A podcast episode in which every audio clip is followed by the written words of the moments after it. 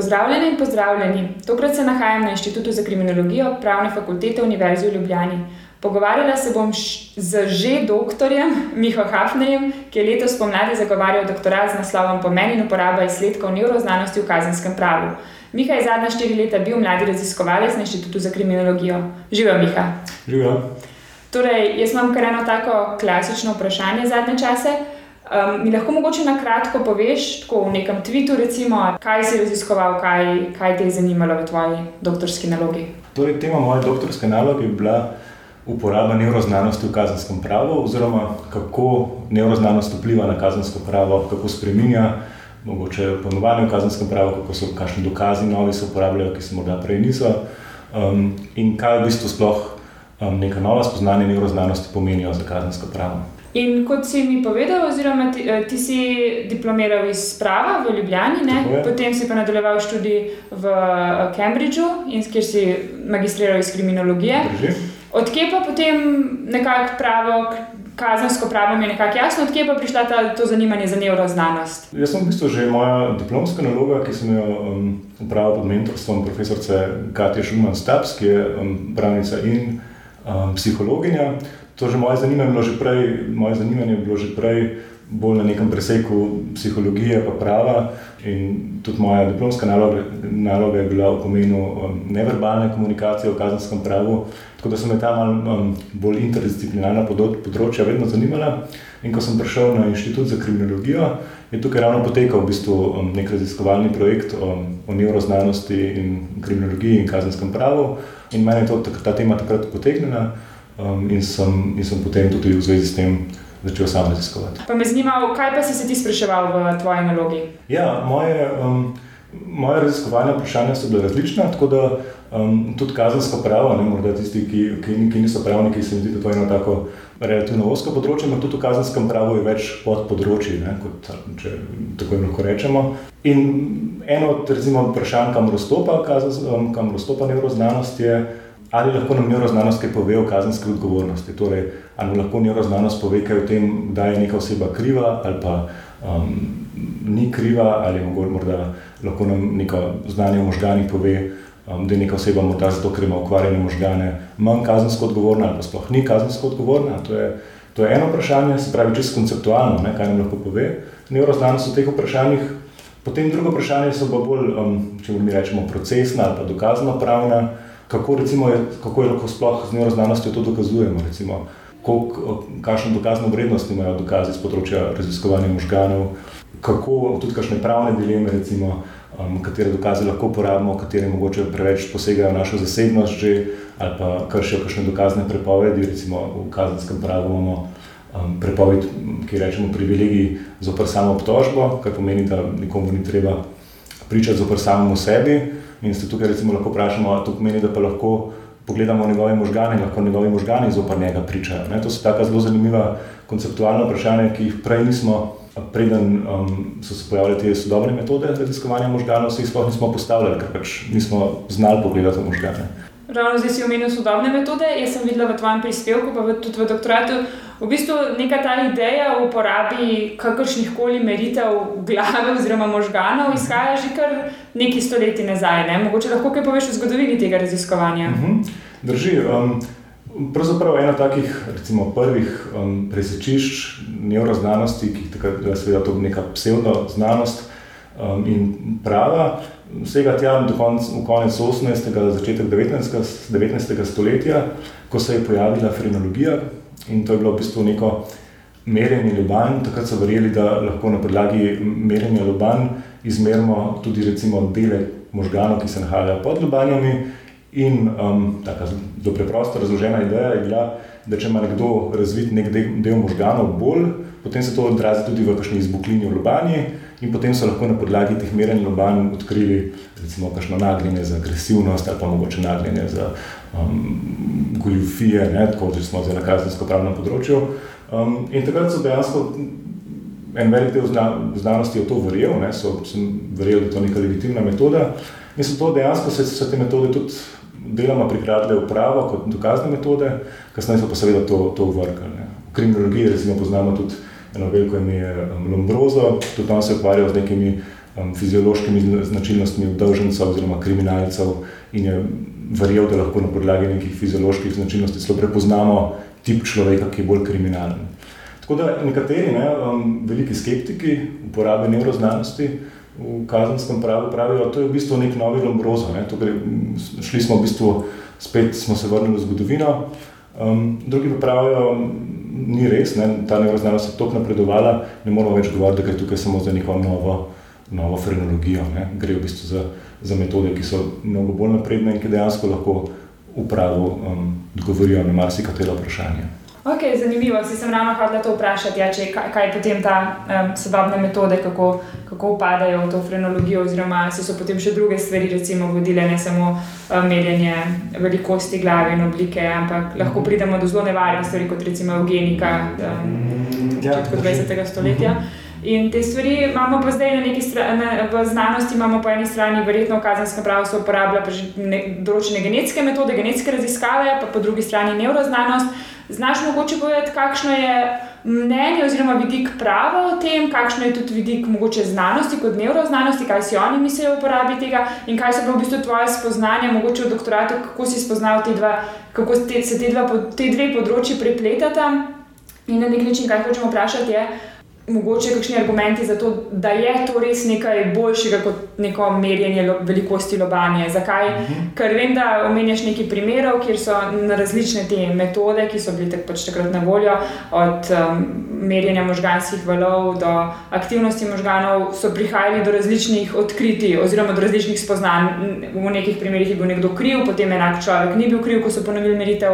Koliko je potem dejansko to lahko uporabno za? Prava? Um, ja, tukaj se odpira cel kup enih, enih vprašanj. Umenila si recimo genetiko. Ne? Tudi genetika se seveda povezuje z neuroznanostjo. Ne? Predvsej um, nekih možganskih bolezni ali pa motenj in tako naprej. Vemo, da izvira recimo tudi iz nekih genetskih um, predispozicij. In ena izmed dilem recimo, ne, so te, da vemo, da neke možganske bolezni ali pa neke možganske motnje vzmijo recimo nek možganski tumor ki pritiska na neko, neko področje v možganjih, vemo, da tak možganski tumor lahko spremeni človekovo vedenje. Um, imamo dovolj dokazov o tem, neuroznanstveniki vam lahko povejo nešteto primerov kliničnih, kjer, so, kjer, se, kjer se te primeri ponavljajo in vemo, da kako nekaj vpliva na neko vedenje.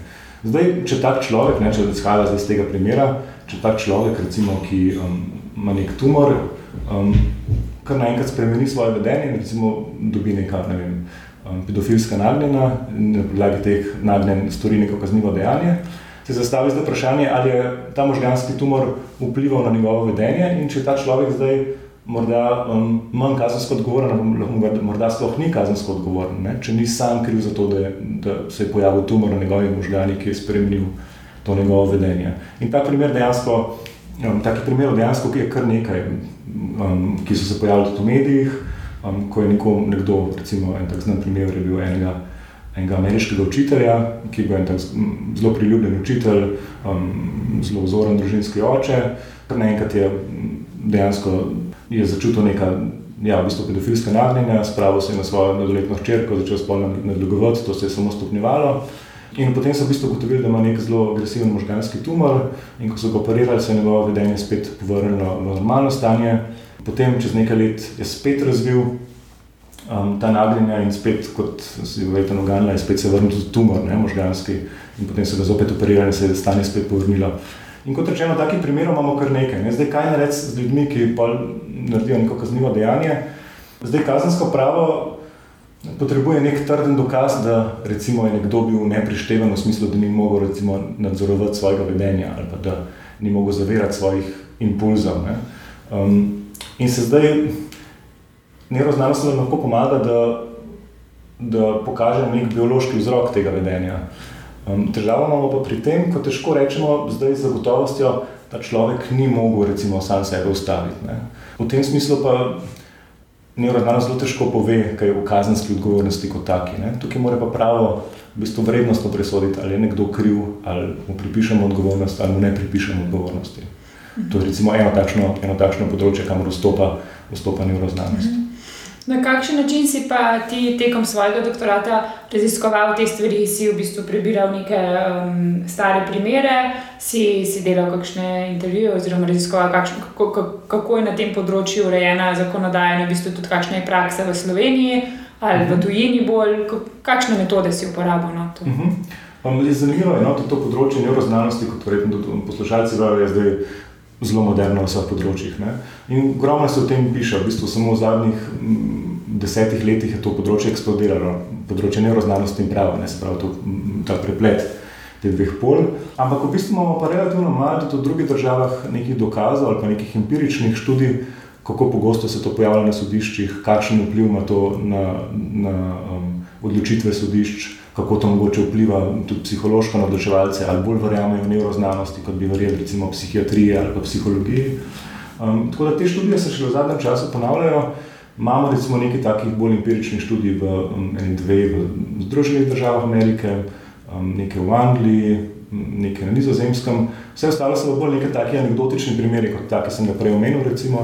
Kot da sem se potem lotil ene raziskave, pridružil sem se kolegici Mojci Plesničar, z Inštituta za kriminologijo, ki je delala eno veliko raziskavo o umorih v Sloveniji. Um, preučevala je vse umore od samosvojitve pa do leta 2015. In jaz sem potem tudi te sodbe analiziral, stališča, koliko dokazov z področja neuroznanosti se, se v teh sojenjih uporablja. In sem bil v bistvu presenečen, ker sem gotovo, da kar v 18 odstotkih vseh um, sojenj tudi, um, so se tudi pojavljali neki dokazi z področja neuroznanosti. Zdaj, um, ni bilo zelo veliko nekih um, recimo, ne, funkcijskih možganskih um, slik ali kaj podobnega, ampak recimo neki neuropsihiatri, včasih neurologi tudi, pa so ne, se sklicevali tudi na dokaze z področja možganov. Zanimivo. Vi je pa verjetno več tega, ki je v tujini, ali je Slovenija kar na isti ravni z, z primeri iz tujine? Ja, to je zelo dobro vprašanje. Um, kot rečeno, v bistvu imamo, um, mene preseneča, koliko, koliko je tega v Sloveniji. Um, v bistvu je tako kot rečeno, empirično zelo slabo raziskano. Tako da um, največ sicer poročila res prihaja iz um, Združenih držav Amerike, iz um, Anglije, torej iz nekih držav z anglo-ameriškim sistemom. Tam so tudi um, izvedenci morda bolj um, agresivni pri, pri um, predlaganju teh dokazov na sodiščih. Ampak v resnici ne ugotavljamo tudi, da, da drugot se te dokaze pojavljajo, samo da niso tako ti primeri odmevni. No? Um, recimo za, za forenzične študije imamo pač ta um, v Sloveniji, ne, kako se ne vem, kakšen je uraden naziv tega uh, urada za forenziko, kako se reče, nacionalni forenzični laboratorij. To. In kot vem, oni delajo recimo kakšne genetske raziskave oziroma to. Ne, Pri nas verjetno nimamo nekega oddelka, kjer bi se v bistvu res dejansko samo z nekimi temi neuroznanstvene metode uporabljali. Kako je pa v tujini? V tujini potem koristijo neke Oziroma, ja, kako je v Sloveniji najprej potem kako je v tujini. V tujini potem koristijo neke prav laboratorije, forenzične, ki se ukvarjajo samo s to vrstnim gradivom, dokaznim gradivom, ali se v bistvu uporablja. Vem, um, aparature, v, v med, ki so sicer uporabljene v medicinske namene, uh -huh. so to posebej. Kako, -huh. kako ta pot poteka, sploh, da pridemo do take vrste uh -huh. dokaznega gradiva? Ponavadi so to vedno neki strokovnjaki, ki se sicer ukvarjajo z neuroznanostjo, se pravi, neuroznanstveniki, lahko so tudi klinični s klinično neuroznanostjo. Tako da to so ponavadi zdravniki, um, pogosto profesori, raziskovalci, ne, ki, so, ki potem um, na sodišču nastopajo kot izvedenci. Um, morda um, en tak zanimiv primer, ko ste omenili um, nacionalni forenzični laboratorij. Ena takšna metoda, ki um, se je v njej veliko pisalo, so tako imenovani možganski prstni odtisi. Um, gre za, za EEG, EEG metodo, se pravi elektroencefalografija. In sicer ne bi šlo za um, ta metoda, ne bi delovala tako, da ne bi bila sposobna prepoznati, kdaj um, možgani neko nek držljaj, neko sliko, nek predmet spoznajo in kdaj jo vidijo prvič. Možgani bi se drugače odzvali, ko neko stvar vidijo prvič ali pa ko neko stvar že poznajo. Um, in to metodo v, v kriminalističnih preiskovanjih, se pravi, policisti, ne, v tisti prvi fazi predkazenski, ne bi kar pogosto uporabljali kot neke vrste, pogojno rečeno, poligraf. Recimo, ne, se pravi, če nekdo, nek osumljenec, um, zanika, recimo, da nikoli ni bil na kraju zločina, potem mu, potem mu predložijo recimo, nek dokaz. Um, in potem lahko, ne bi lahko zmerali, ali on ta dokaz, ali ta predmet iz kraja dejanja že videl, ali pa ga vidi prvič. Um, tako da ta metoda um, se, recimo, zanimivo, je zelo prijela v Indiji in to v Indiji so predložili kot dokaz že v več primerih, vzpostavili neke dejansko specializirane laboratorije za te zadeve. Medtem ko so pa neuroznanstveniki drugot izjemno skeptični, ne pravijo, res tem, na tem področju se nekaj um, se ogromno raziskuje, nekaj metode so zelo betavne, ampak zelo, zelo težko pa um, te laboratorijske metode apliciramo že kar na sodišče. Ne. Še zelo daleč od tega smo, da bi bil to nek zanesljiv dokaz. Um, tako da vidimo, da tudi ne, te metode na različnih koncih sveta različno hitro prodelajo na sodišča, nekje um, so bolj previdni, nekje so pa morda bolj pogumni, pa morda tudi pre, prepogumni v tem smislu. Ne. Zdaj vam pa še, še eno vprašanje, ki bom dodala, ko v bistvu sledi iz tega, da si, da si omenil, da v različnih državah različno resno jemljajo te dokaze in jih tudi uporabljajo. Ampak recimo, če so porota v ZDA, kot, kot vem, je pač na ključno izbrani državljani, državljanke mhm. tiste države.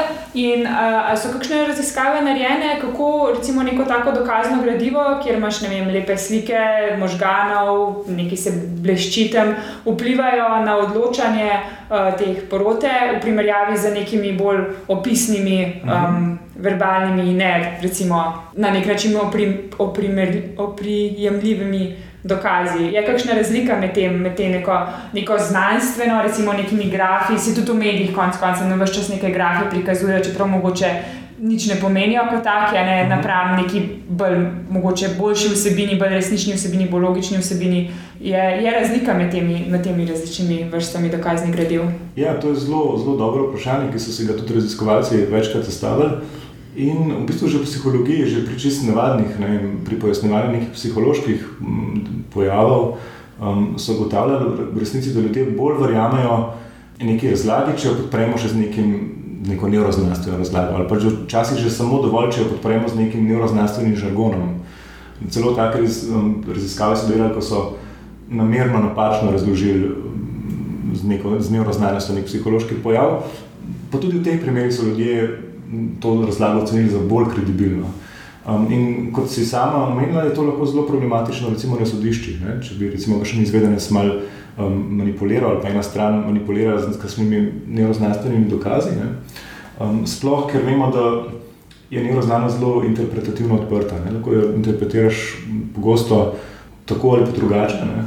In to je lahko problematično, ker, ker, so, ker so dejansko potem tudi na poskusnih porotah ugotavljali, da um, porotniki bolj verjamejo neuroznanstvenim dokazom, kot recimo dokazom psihologije, psihiatrije. Čeprav um, spet ne so lahko ta, so bile recimo, na, namerno napačno razloženi ti pojavi. Tako da vprašanje je, če so tudi sodniki imuni na takšen učinek. Ne? Ker vemo, da sodniki so sicer profesionalci, ampak so profesionalci na področju prava. Ne? Seveda sodniki praviloma ne vejo veliko o neuroznanosti. Um, tako da v tem primeru je vprašljivo. Um, veliko se potem govori, da že same možganske slike recimo, imajo pa še posebej močan učinek, ker je tako zelo lepo grafično prikazano, kot si omenila, z barvami, z, um, z slikami. Ne. Tako da najprej so zelo domnevali, da tudi da možganske slike pa še posebej močno vplivajo, kasneje so pa to vrgli, ampak dejstvo pa je, no, to pa lahko zaključimo, da neuroznanost je bolj prepričljiva kot um, recimo psihologija, psihiatrija pri pojasnjevanju nekih duševnih pojavov. Po tekom doktorata ne sem nekako spoznal, kako, kako pogosto se uporabljajo to vrstni dokazi v Sloveniji, verjetno tudi v Izraelu. In zanima me pa, koliko pa recimo potem končni, končni rezultat neke sodbe, neka obtožnica. Ne? Mhm. -huh. In koliko pa dejansko se res vidi, da je bila, da je bila ravno neuroznanost, oziroma ravno te, te, to vrstno dokazno gradivo tisto, ki je, ki je vplivalo veliko na to kakšno, uh mhm. -huh. kakšna je bila obtožba? Ja, to je, to je zelo dobro vprašanje. Spravi, koliko je neuroznanost dejansko vpliva na končno, na končno sodbo? In v bistvu, kot si sama že nakazala, to je zelo težko izmeriti. V, v vsakem sojenju imamo eno kupico dokazov ne? in zelo težko je zdaj izolirati neuroznanost in reči, da neuroznanost je bila ta, ki je v pretežni meri vplivala. Ne? Nekaj študij na to temo je bilo tudi narejenih, recimo zelo zanimiva je bila, ko so recimo vzeli um, v Ameriki so vzeli en resničen primer nekega sojenja za umor in so potem porotnike razdelili v tri skupine um, in so jim dali za, za prebrati spis iz tega resničnega primera, kot rečeno, pri čemer so morali na koncu porodniki izreči bodi si smrtno um, kazen ali pa do smrtni zapor, ne se pravi, blažja kazen. In potem so dali eni skupini porodnikov, so dali samo mnenje psihiatričnega zvedenca, drugi skupini so dali pa še um, neuroznanstvene dokaze zraven. In zanimivo je, da tistim, ki so dali zraven neuroznanstvene dokaze, jih je znatno, znatno manj obsodili tega obdolženca na smrtno kazen. Ne? Tako da na podlagi tega lahko sklepamo, da je dejansko neuroznanost vplivala na, na blažjo kazen. Ne? In še nekaj takih podobnih dokazov je, je pa zdaj zelo težko, če imaš neko sodbo, prvo reči, da je neuroznanost bila taka, ki je vplivala. Ne? Ampak um, gotovo, gotovo po te dokazi um, na sodnike in odločevalce nasploh vplivajo. Seveda ni črno-belo, kakšen vpliv ima neuroznanost, ni nikoli preprosto. Ja, 20% vpliva na, na odločitev ali ne. Ampak potem, ko recimo odločitev pade in je nekdo obtožen, lahko je še kakšna uporaba neuroznanosti, potem kasneje pri tem obtožencu, lahko potem kasneje mogoče preverimo, če, če se je njegovo vedenje spremenilo zaradi nekega. Nekih možganskih aktivnosti, oziroma zaradi spremenjenih možganskih mhm. aktivnosti. Mogoče poznaš kakšne primere? Um, ja, to je spet, spet eno novo polje, ne, ki je tudi um, zelo zanimivo, tudi iz nekih čist um, etičnih vidikov, prej kot pravnih, potem pa seveda tudi pravnih.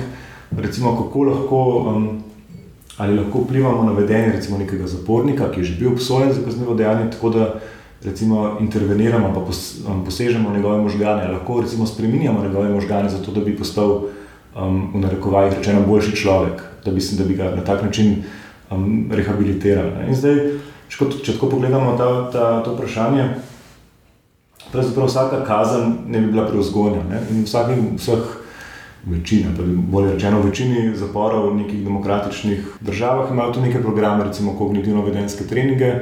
In ti treningi v resnici spremenjajo možgane obdolžencev. In se nam to ne zdi zdaj nekaj posebej sporno, celo nekaj zaželenega. Ne? Ampak po drugi strani bi se nam pa zdaj verjetno bolj sporno, če bi ne vem, z nekimi um, operativnimi posegi um, spremenila možgane ali pa če jim dali neka, neka um, psihotropna zdravila, da bi spremenila njihovo biokemijo v možganih, to bi se nam zdaj pa bolj sporno. Ne? Kot da zdaj eno, kot rečeno, eno etično vprašanje je, koliko lahko država posega v možgane obsojencev, na kakšne načine, pod kakšnimi pogoji, ali je to sploh dopustno, kje potegniti mejo. To so zelo, zelo pomembna vprašanja, ki bodo verjetno z napredkom znano, neuroznanosti postala še vedno bolj pereča. Okay, zdaj smo pa pri zadnjem delu, pri klasičnih vprašanjih. In si si izbral pet, in bom jaz kar začela s prvim. Ali se spomniš kakšne zabavne ali zanimive anekdote povezane s svojo mentorico, ali pa morda kakšne nenavadne, smešne anekdote, ki se je zgodila tekom tvojega raziskovalnega dela v sklopu doktorata? Um, ja, zdaj tako malo sem vrsto pospominjal, pa sem tako kakšne zelo smešne anekdote se ne spomnim, čeprav gotovo je bila kakšna. Spomnim se svojega prvega dneva kot mladega raziskovalca na inštitutu.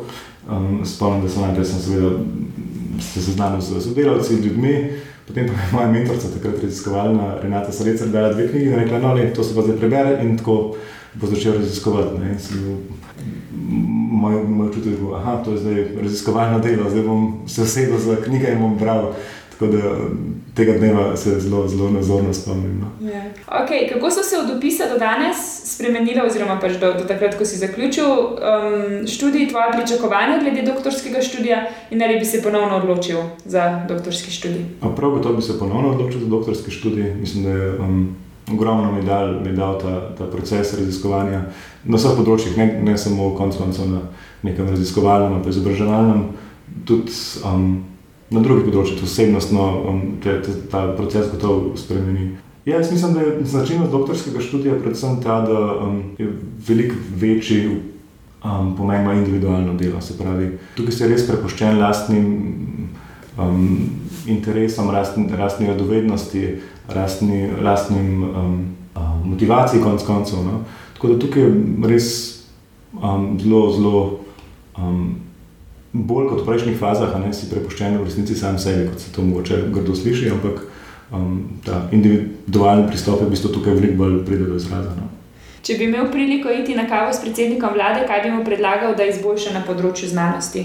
Ja, ne zelo izverno, ne zelo izveren predlog bo, mislim, da je treba v znanosti veliko več sredstev namenjati v vsaki družbi, tudi naši. Pomembno se mi zdi, recimo, kaj mislim, kar, zakaj mislim, da je slabo v znanosti, je recimo te prekarne zaposlitve, ki so pri nas pogosto pravilo. Ne, se pravi, da nek raziskovalec, nek akademik, recimo, nima neke stalne pozicije. In to ga seveda ovira pri raziskovanju. To je, um, to je za, za znanost slabo. Ne. Se pravi, več nekih stalnih um, financiranih, um, neko kontinuirano financiranje, recimo raziskovalnih programov, raziskovalnih skupin, mislim, da je to neka prava pot, na katero bi mogla tudi naša država iti. Bi drugim doktorskim študentom predlagal kakšno tehniko za upravljanje s časom ali pa morda računalniški program, ki ti olajša delo in ti prihrani čas? Ja, sicer vsak človek je funkcionira drugače, no, ampak ena tehnika, ki se meni zdela zelo uporabna, ali pa način um, študija, se mi zdi, da se moraš v, času doktorskega raziskovanja ali pisanja doktorske naloge zastaviti več manjših ciljev ali pa svoje raziskovanje razdeliti na več manjših etap. Um, ker če ne si zadaš cilj, če štiri leta moraš napisati doktorat, se to sliši zelo strašljivo. Ne? Če si pa daš vsak dan cilj, ne vem, danes bom napisal eno stran ali pa dve strani, ali pa danes bom prebral to pa to člankov.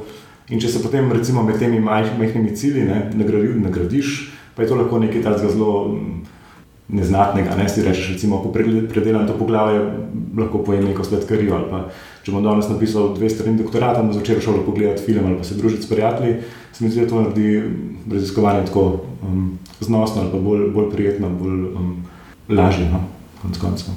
In še zadnje vprašanje, priporočilo za knjigo, igro, film, spletno stran ali podcast. Ja, jaz sem seveda izhajal iz mojega področja, ne, neuroznanosti in kazenskega prava. Mogoče bi tisti, ki jih to, ta presek teh dveh področji zanima, bi priporočil um, eno spletno stran, ki ima ogromno zanimivih novic z tega področja, takih tudi poljubnih člankov, znanstvenih člankov, predavanj in tako naprej. Imenuje se MacArthur Foundation Research Network on Law and Neuroscience mogoče le podvljajo najbolj poslušalci um, pod um, spletnim naslovom in sicer trikrat dvojni ve, l, a dvojni v, n, e, u, r, o, pika, o, r, g. Super, ga bomo tudi linkali na, na, um, na spletni strani Metine liste. Ok, hvala, Miha. Z veseljem.